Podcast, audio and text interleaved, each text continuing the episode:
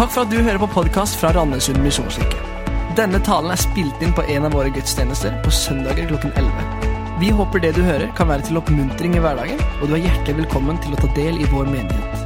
Gå inn på mkirken.no eller Randesund misjonskirke på Facebook for mer info. God formiddag, alle sammen. Fint å se dere. Selv om det er høstferie og mange bortreist. Jeg vet en stor gruppe dro til Romania på fredag og er der nede. Selv kom jeg fra Romania i går. Vært der på en tur for, fra Tiggekopp Norge sammen med Jul Rudihagen i Lillesand og Karsten Naust fra Sørlandets europakontor. Vi forsøker å gjøre hva vi kan for å se om det er mulig å skape arbeid og utkomme for fattige og marginaliserte mennesker på hjemstedet i Romania. Det er vårt formål. Men nå skal vi ikke snakke om Romania. Vårt tema i formiddag er sunn åndelighet.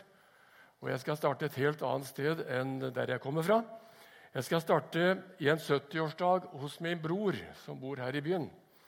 Eh, nylig fylte han 70 år, og da han var en ung mann, eh, i tidlig tenår, så var han en, eh, en kjekk kar som jentene synes vel om.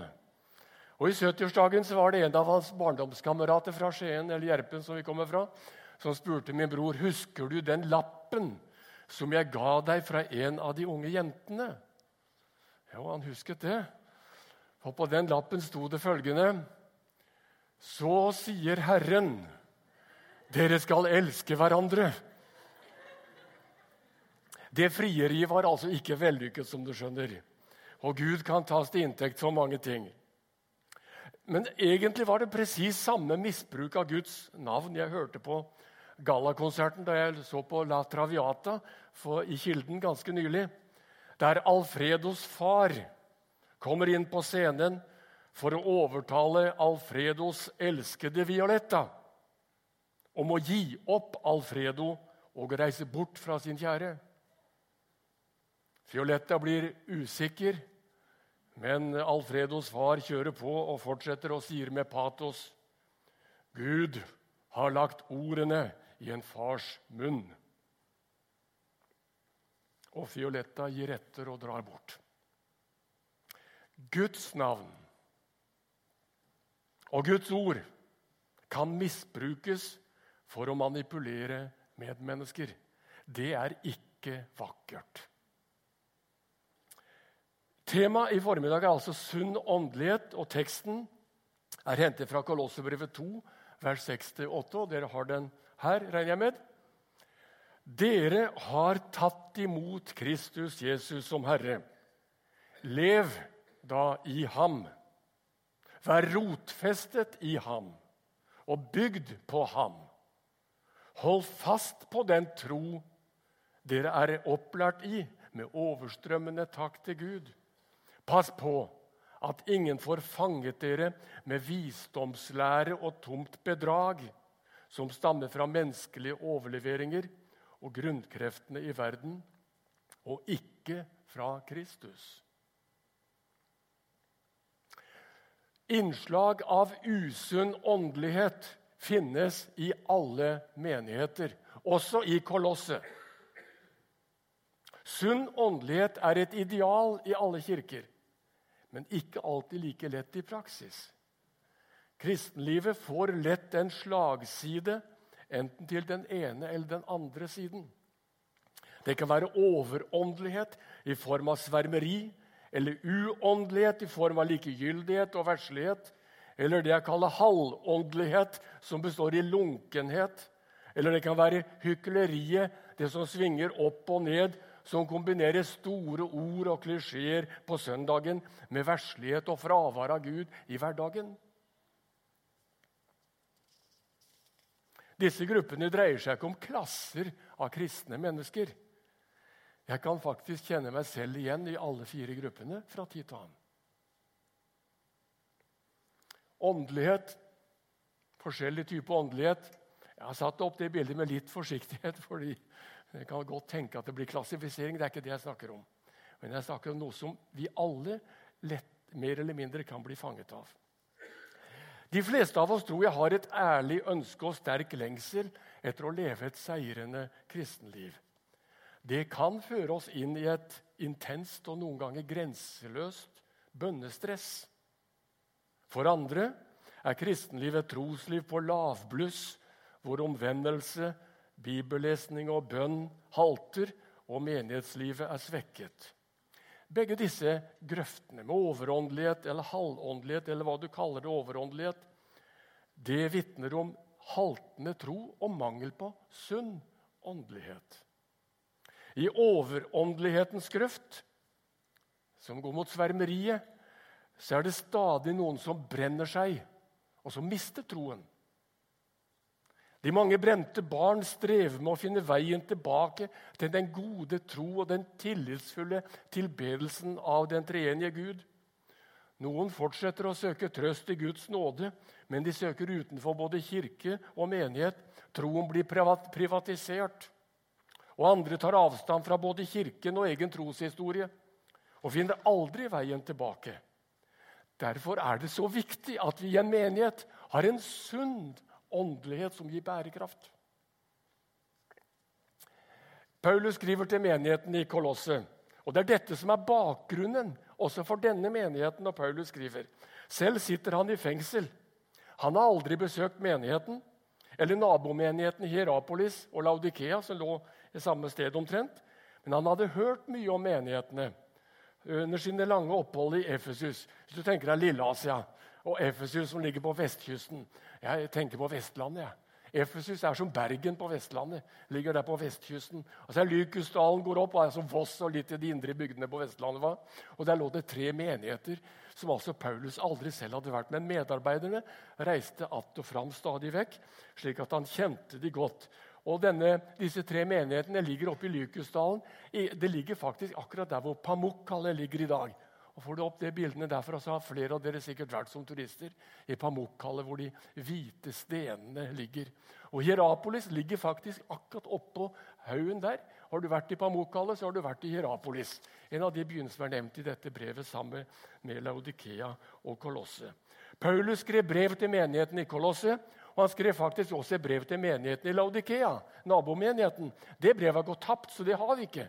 Men Paulus skriver her at når dere har lest brevet til Kolosse, sørg for at de i Laudikea også får lese brevet, og at dere får lese brevet jeg har sendt til Laudikea. Det siste har vi ikke, men dette har vi, og vi har lest sammen fra det. Hva er budskapet til menighetene i Lukusdalen? Jo, budskapet det er følgende. Dere har tatt imot Jesus Kristus som Herre. Lev i ham. Og så kommer det tre tilleggsformaninger. Vær rotfestet i ham. Her vi temaet vårt røtter på disse fire søndagene. For det andre, vær bygd på ham. Klippen, grunnvollen. Ingen kan legge en annen grunnvoll enn den som er lagt der, Jesus Kristus. Og for det tredje, hold fast på den tro dere er opplært i. Trosopplæring er like viktig i dag i Norge som det var i Kolosset den gangen. Å holde fast på troen blir viktigere og viktigere i vår tid. Det er foreldrenes og det er menighetenes ansvar. Vi er glad for det som skjer i skolen, men vi kan ikke overlate ansvaret til skole og samfunn. Det er vårt ansvar. Og så forsterker Paulus denne formaningen. Lev i ham med én advarsel, og det er denne. Pass på at ingen får fanget dere med tomme ord og tomt bedrag og visdomslære. Og I formiddag vil jeg spesielt understreke det med røtter og det med faren for å bli fanget. Enhver kristen står i fare for å bli fanget uten selv å være klar over det.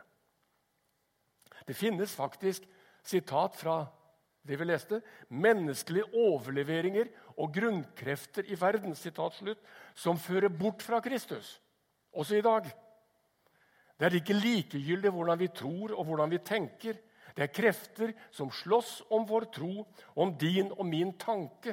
Og Det er to grøfter. Det er overåndeligheten, og det er halvåndeligheten eller uåndeligheten. La meg begynne med en påstand som jeg tror jeg støtter både i Skriften og i erfaringen. Overåndeligheten og svermeriet ligger oss nærmere enn vi aner. Og de ivrigste og de frommeste av oss er mest i faresonen. Iver er bra, men Skriften sier uten kunnskap er den av det onde. Ordspråkene 19.2. Nidkjærhet uten skjønnsomhet er fra gammelt av. Paulus selv var så nidkjær at han i sin nidkjærhet forfulgte menigheten. Det går altså an å bli så overivrig for en eller annen religiøs sannhet at det ødelegger mer enn det gagner. Derfor er religionskritikk fra samfunnet av og til av det gode. Og Vi skal også lytte av og til til kritikk som kommer fra våre egne, fordi de har erfaringer som kanskje vi i lederskap trenger å tenke igjennom. Det samme gjelder også kritikk som kommer altså fra egne rekker. For nidkjærhet, skråsikkerhet og ensidighet uten veiledning det fører oss rett inn i svermeriet. Svermeri har alltid to kjennetegn. Det ene er at mennesker presist vet hva Gud vil i vår tid. Punktum. Om man så står alene mot hele verden. Man vet hva Gud har sagt. Og Det andre kjennetegnet er at man ikke lytter til veiledning fra ledere. Jeg har møtt kristne som er sin egen biskop. Ja, Da har de tilsyn med seg selv, og ingen andre får gripe inn. De nekter tilsyn av menighetens eller kirkens ledere. Skråsikkerhet av denne type er mangel på ydmykhet. Og det kan sågar sette Guds nåde i fare. En slik nidkjærhet og svermeri kan drive ned både tro og menighetsfellesskap. Svermeri det er iver på avveie. Men når det er sagt, overåndelighet og faren for det må jo ikke holde oss tilbake fra å søke Gud. Skjønner du hva jeg mener? Det vil jo være å kaste barn ut med badevannet og vel så det. Nei, å søke Gud og gi seg hen til Gud er jo nettopp det. Lev i ham. Det er det som er eh, oppfordringen her. Som, ung, som tenåring så vet jeg at jeg ga meg hen til Gud i bibellesning og bønn. Jeg ba intenst i flere år for å finne ut hva som var Guds plan med mitt liv. Hver ettermiddag, vel hjemme etter skoletid, så leste jeg i Bibelen og ba om Guds ledelse for fremtiden. Og Særlig ba jeg i flere år Salme 86, 11. Lær meg, Herre, din vei. Jeg vil vandre i din sannhet. Gi meg et udelt hjerte, så jeg kan frykte ditt navn. Det var min ungdoms hjertebønn i flere år. Og Da gymnastiden nærmet seg slutten, så husker jeg hadde fire valg. Jeg kunne enten gå ut i jobb og tjene penger, som mange av mine kamerater gjorde. Eller jeg kunne velge å gå rett i militæret for å utsette valget. Eller jeg hadde også lyst til å bli ingeniør og dra til Trondheim, som en eldre bror av meg hadde gjort. Eller det fjerde var søke Ansgarskolen og bli predikant og forkynner. Og det ble det siste.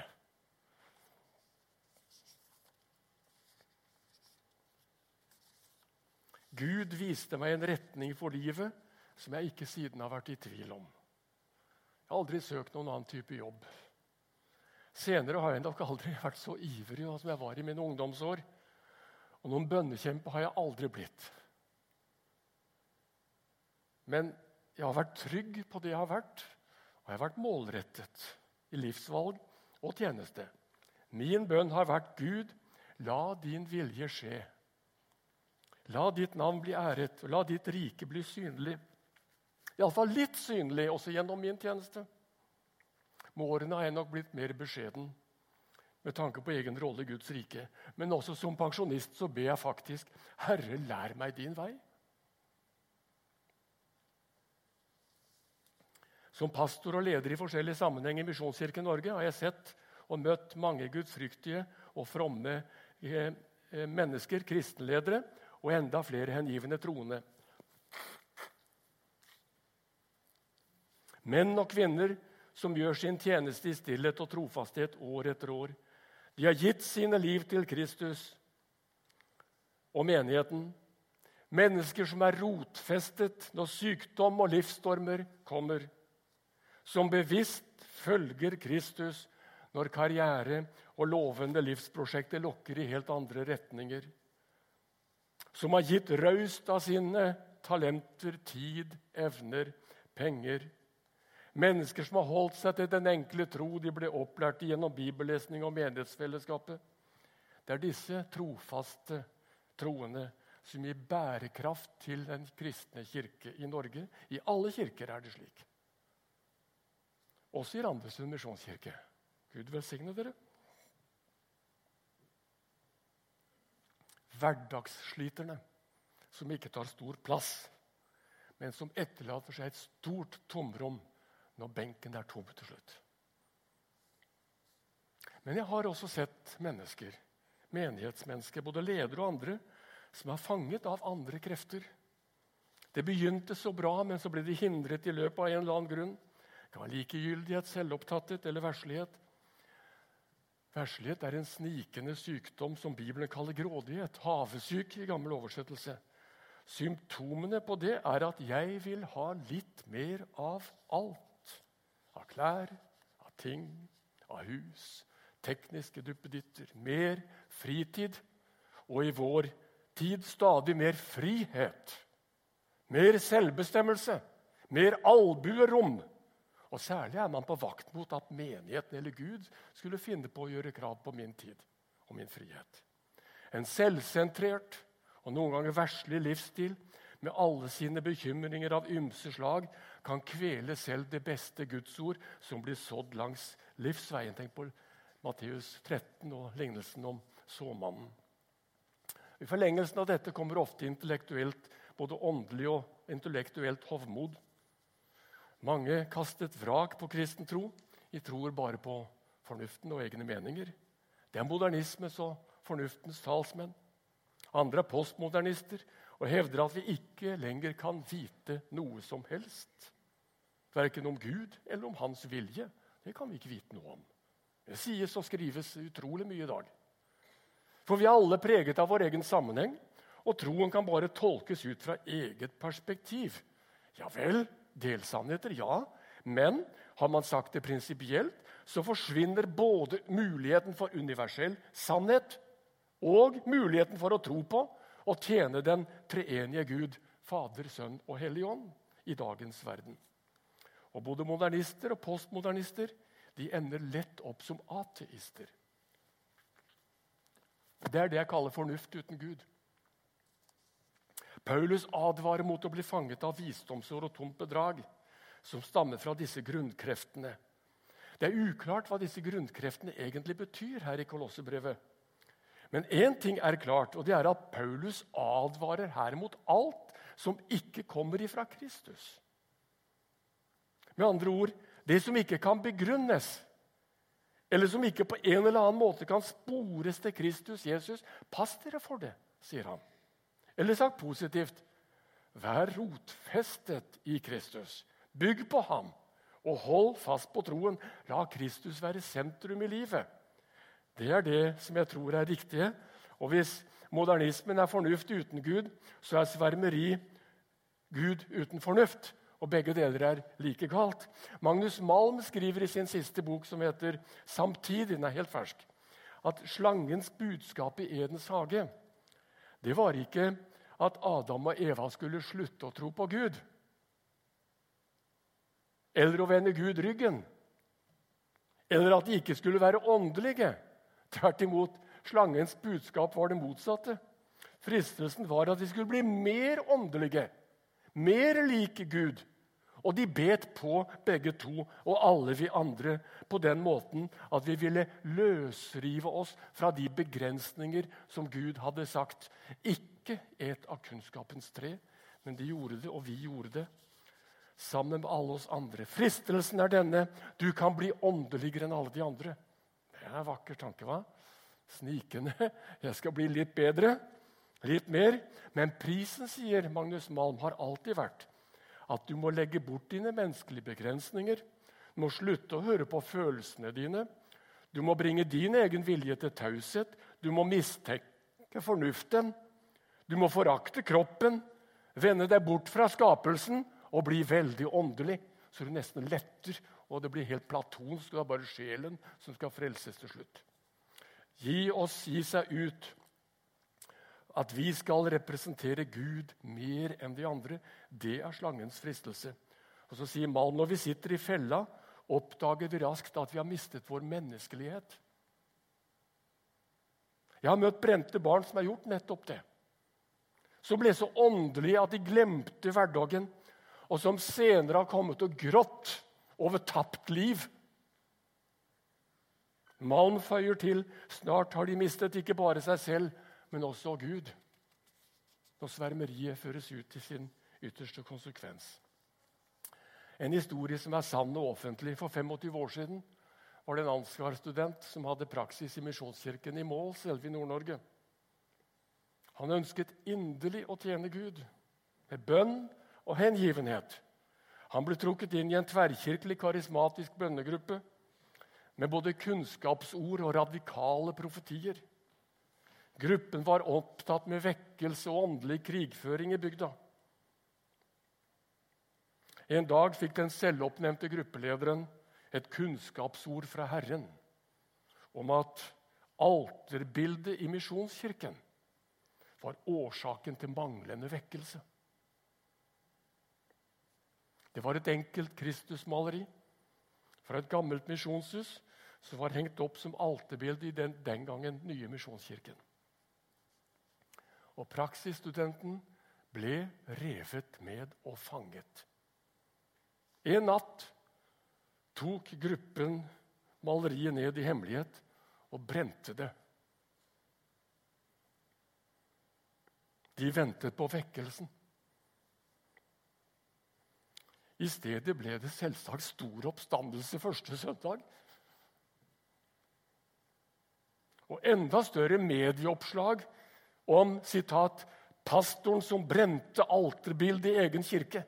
Den gikk jo landet over. Og Jeg har aldri hatt som leder i Misjonskirken Norge sånt trykk fra allmenne medier og de store medieavisene i Oslo som i den saken der. Hvordan kunne det skje? Jeg har bare ett svar. Svermeriet tok overhånd, og han ble fanget. Og hør Kanskje ligger svermeren på lur i oss alle. Hvem har ikke tenkt at kanskje Gud kan bruke meg til noe helt ekstraordinært? Hvis jeg ber mer, søker nok, er inderlig nok, dyp nok, lenge nok Åndelig lengsel kan så lett blandes med personlige ambisjoner. Jeg vil være best, også åndelig best. De fleste av oss som har forsøkt litt den veien, faller jo til tiden tilbake på, i den erkjennelse at det vanlige, hverdagslige troslivet tross alt passer meg bedre. Enig? Gjør det. Men noen tar det helt ut og hevder at de sågar er Jesus selv, sammenlignet NRKs dokumentarserie om Messias, hvor fotograf Bendiksen har reist verden rundt og møtt mennesker som hevder at de er Jesus selvoppnevnte Messiaser eller selvoppnevnte apostler eller selvoppnevnte ledere som ikke trenger tilsyn. Jeg har møtt dem. Som ikke vil stå til ansvar for noen. Og verst av alt jeg har selv kjent fristelsen til ikke å ville stå til ansvar for andre. Det ligger på lur i vårt eget hjerte. Men ingen av oss er så gudfryktige at vi ikke trenger å stå under tilsyn av andre. Derfor sier Paulus, pass på at ingen lar dere fange. Det er viktig derfor at kristent lederskap også underviser om overåndeligheten og faren for svermeri. Og veileder både unge og voksne til en tro som gir bærekraft i hverdagen. Den sunne åndeligheten. For før eller senere møter svermeren i oss veggen. I alle fall om ikke før, så når vi skal dø. Da har ingen av oss noe annet å falle tilbake på enn Guds nåde. Og den alene. En lørdag for fire uker siden ble Tonje Tornes, tegneserieredaktør og forfatter, intervjuet i Vårt Land. Hennes vei bort fra troen beskriver hun slik sitat, Jeg hadde satset alt. Det var de, det de la opp til i de karismatiske menighetene jeg vanket i den gangen. Jeg var blitt skuffet og full av selvforakt i ferd med å miste seg selv. Jeg følte meg som et stort hull, sier hun, som Gud nektet å snakke med. Hennes mange spørsmål og ærlige tvil sier hun ble bagatellisert. Hun ble avspist med svar om at Gud hadde sagt noe annet enn hun følte. Vi spør oss hva som er årsaken til at så mange ønsket å tro, men ikke fikk det til. Jeg tror at Paulus iallfall gir ett av svarene i dag. Pass på at dere ikke lar dere fange, men vær rotfestet i Kristus og i ham alene. Det betyr la Jesus få plass midt i den menneskelige og hverdagslige livsvirkelighet du lever. Ta Jesus inn i hverdagen. Det blir ikke røtter av bare møte og søndagsåndelighet. Troens røtter må vokse i hverdagens jordmoll. Det er der de skal festes, og det er der de skal testes. Når livsstormene kommer. Jesus er ikke interessert i våre prestasjoner. Han er faktisk ikke interessert i vår åndelighet heller. Eller mangel på åndelighet bryr han seg heller ikke om. Han er interessert i én ting, og det er vårt hjerte. Det er han interessert i. Og vår hverdag, det er han interessert i. Akkurat slik som vi er. Intet er ham fremmed, og ingen er ham uvedkommende. Vet du at Den kristne kirke har hatt én klar ledestjerne på sunn åndelighet helt fra pinsedagen. Og det er ikke noe som gir bedre vekst, dypere røtter og sunnere åndelighet enn den ledestjernen. Og det er det vi kaller de fire b-ene. Bibelordet, bønnen, søskenfellesskapet i menigheten, broderfellesskapet som det het, og fellesskapet i nattverden, brødsbrytelsen. Det er ledestjernen for sunn åndelighet. Og hør her, i formiddag er vi midt inne i de fire b-ene. Vi deler Guds ord. Vi ber sammen. Vil oppleve menighetsfellesskapet. Og vi skal samles rundt nattverdbordet. Og hør, alle er like velkomne. Gud har ingen favoritter. Han verken imponeres eller manipuleres av vår åndelighet, om vi tenker det, eller vår iver eller vår innsats. Men han setter sannelig heller ikke ut av spill av vår halvåndelighet eller uåndelighet. Om du følte det var det du preget av nå.